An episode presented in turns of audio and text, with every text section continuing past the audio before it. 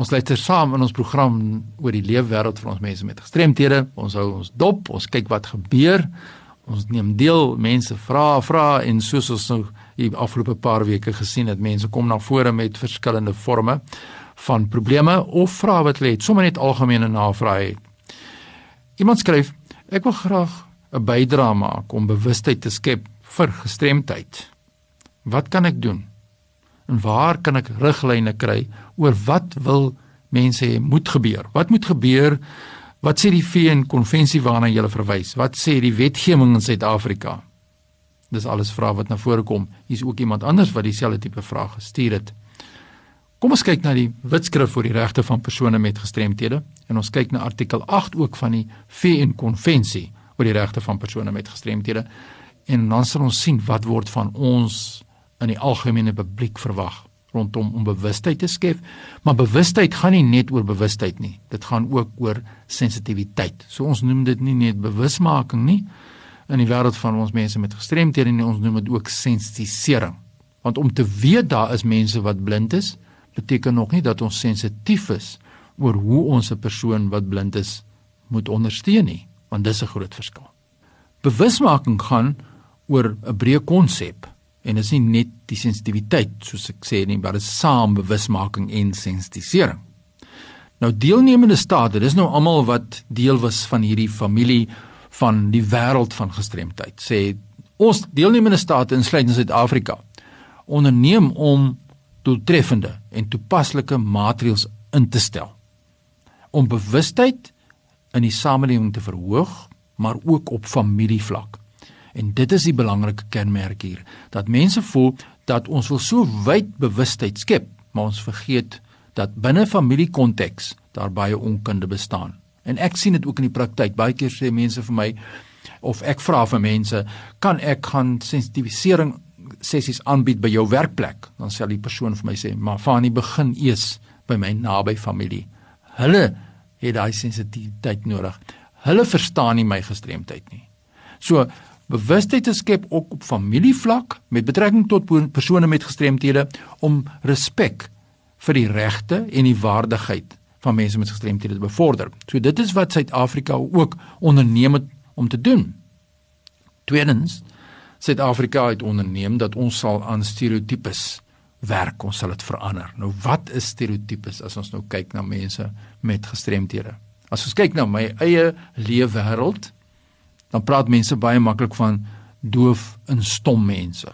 Nou, stom beteken jy het geen taal nie, jy kan glad nie kommunikeer nie. Nou, hoeveel mense is daar wat regtig geen vermoë het om te kommunikeer nie? Ons het in 'n vorige program gesels oor al die moontlikhede van kommunikasie. Natuurlik, erger mense praat nog van doof en dommes. Mense praat dat blinde mense kan net op skakelborde werk. Dis wat blinde mense kan doen, skakelborde. Dis 'n persepsie wat mense versprei wat so onregverdig is. Blindes maak uitstekende ontvangspersoneel uit. Hulle is uitstekend met skakelbord werk, maar dit beteken nie dat dis die enigste ding wat daardie mense kan doen nie. En dit is wat ons moet regkry. Ons moet gaan soek na stereotypes. Nou, ons praat van sigbare forme van gestremdheid. Dis nog een ding. Maar as ons ons on, onsigbare gestremdheid kom, dan is daar baie meer stereotypes wat aandag moet geniet en aandag moet kry. Kyk maar net hoe word daar 'n stigma gekleef aan mense met byvoorbeeld psigososiale gestremdheid. Mense wat byvoorbeeld bipolêre angsversteuring het of depressie. Mense word sommer maklik in vir verkeerde redes op die soeklig geplaas en uitgewys as mense met gestremthede of mense wat minder bevoeg is omdat hulle gestremdheid het veral in jou minder sigbare forme van gestremdheid. So, ons moet hierdie skadelike praktyke met betrekking tot persone met gestremthede moet ons bekamp. Dit is Suid-Afrika onderneem. En ons moet bewustheid skep vir die vermoëns van persone met gestremthede. Dis wat Suid-Afrika gesê het hulle sal doen en as ek net nou verwys het na ja, mense kan maklik sê 'n sekere vorm van gestremdheid kan net dit doen. En dit is verkeerd. En dit is wat ons bewustheid moet voorskep.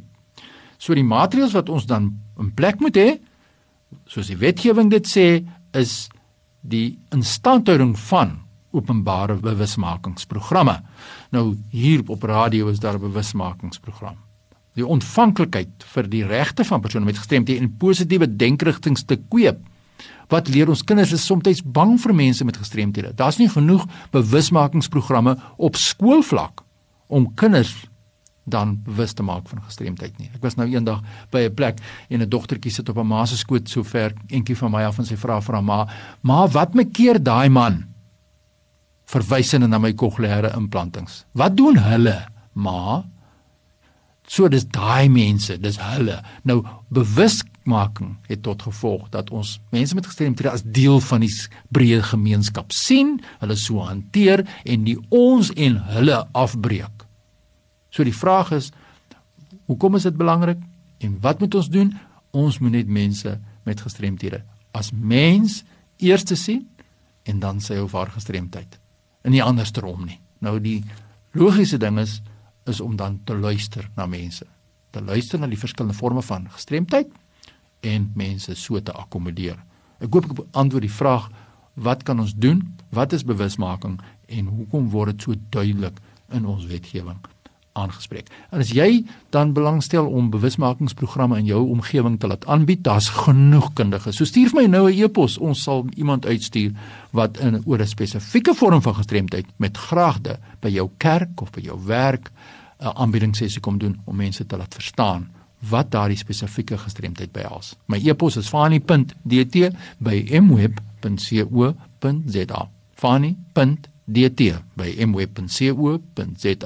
Ek hoor graag van jou rondom die behoefte van bewusmaking. Groetens tot 'n volgende keer.